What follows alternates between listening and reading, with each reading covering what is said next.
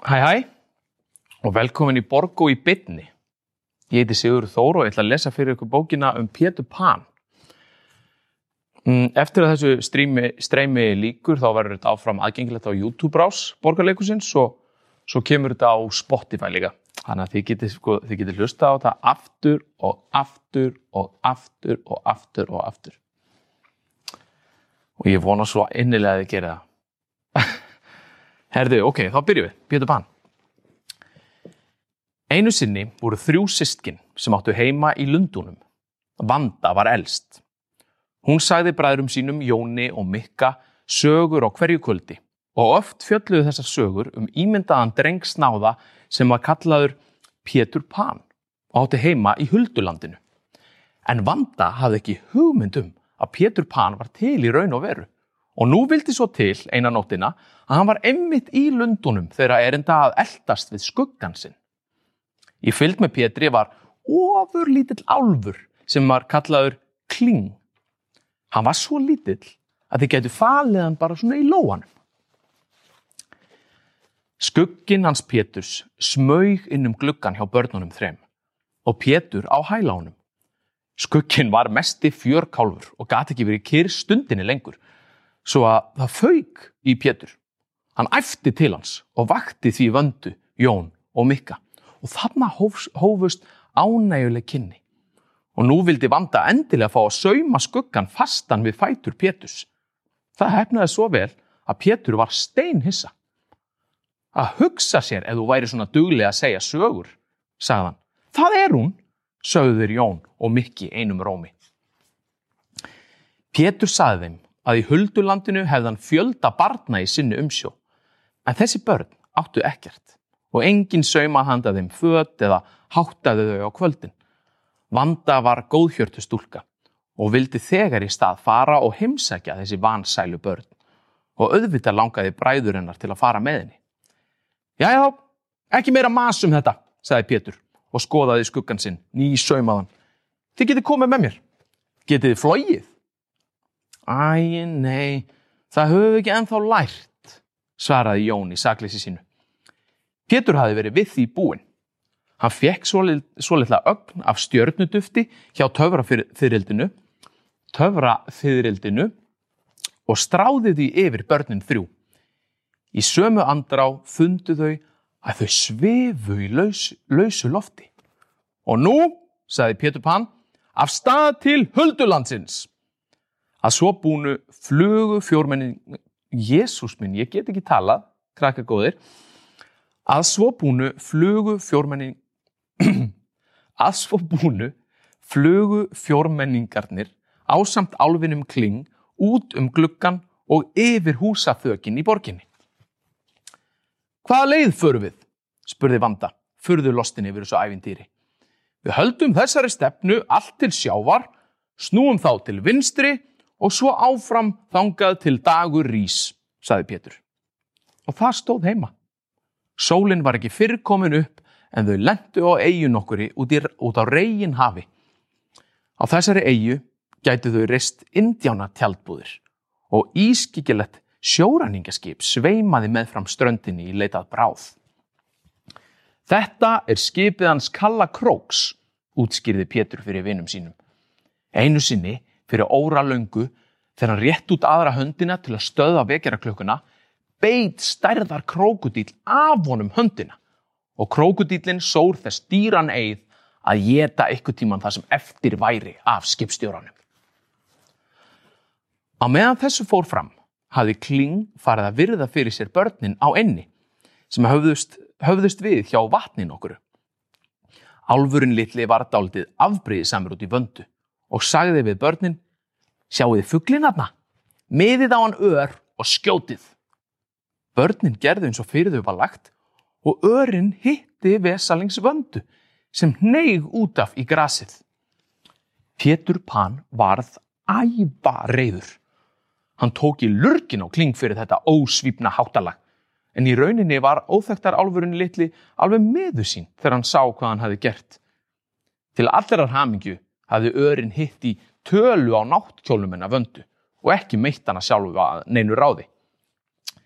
Pétur beigði dálítinn kofa yfir litlu stúlkuna til að dvelja í meðan hún væri að ná sér. Innan skams gæti vanda að sinna börnunum.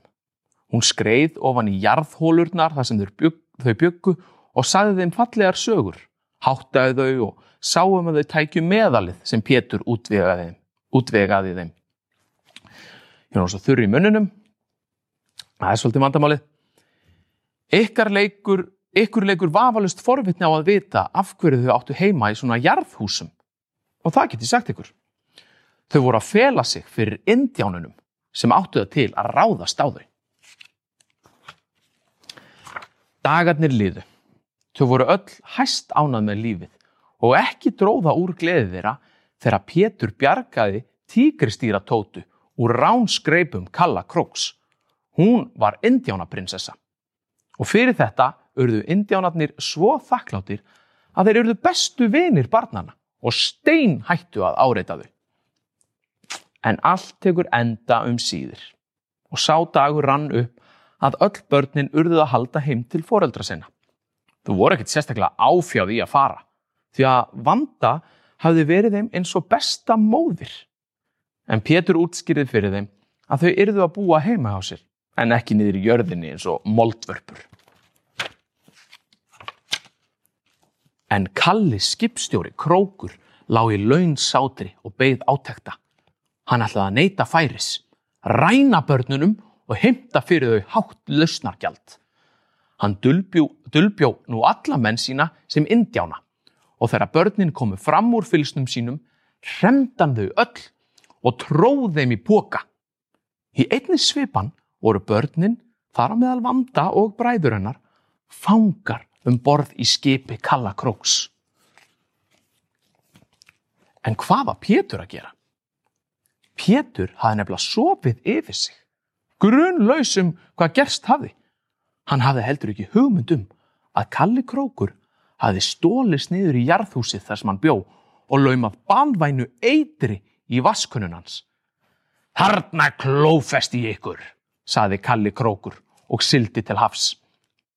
En Pétur var úr allri hættu. Kling hefði, hafði veitt skipstjóranum eftirför og séð hvað hann var að bralla. Og þegar Pétur greip nú vaskunnu og ætlaði að fá sér sopa, hrifsaði álfurum könnuna úr hendans. En til allrar ólöku heldist allt sem í henni var, heldist allt sem í henni var yfir Kling og dálítill dropi af eitrinu fjall á tunguna. Álfurinn var fárveikur. Vesalingurinn litli sagði í sífellu, þetta er minn refsi dómur fyrir að rekja vöndu. Petri var ljóst að þitt eina sem döði til að bjarga vinnans var að byggja öll börn í heiminum sem treðu á hann að klappa í einum kór.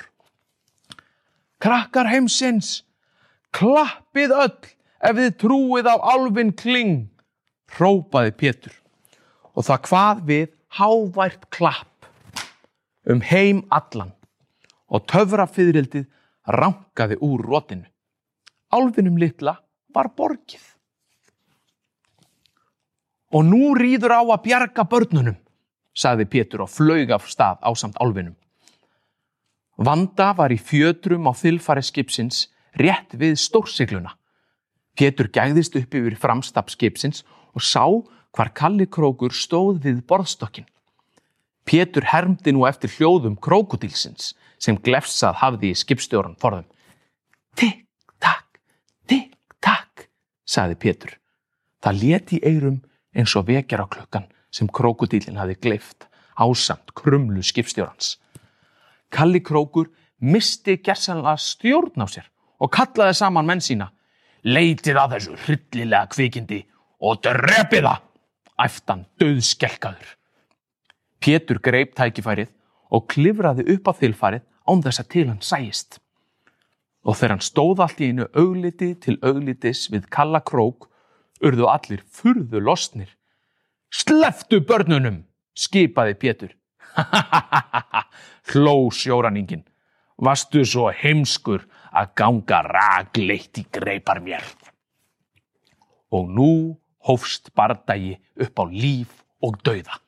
Pétur þreif sverð upp af þilfarinu og lagði til allegu við, við fjandmann sinn. Kalli krókur var snari snúningum, stór höggur og la, lagfimur og barst leikurinn um skipið þvert og endilátt.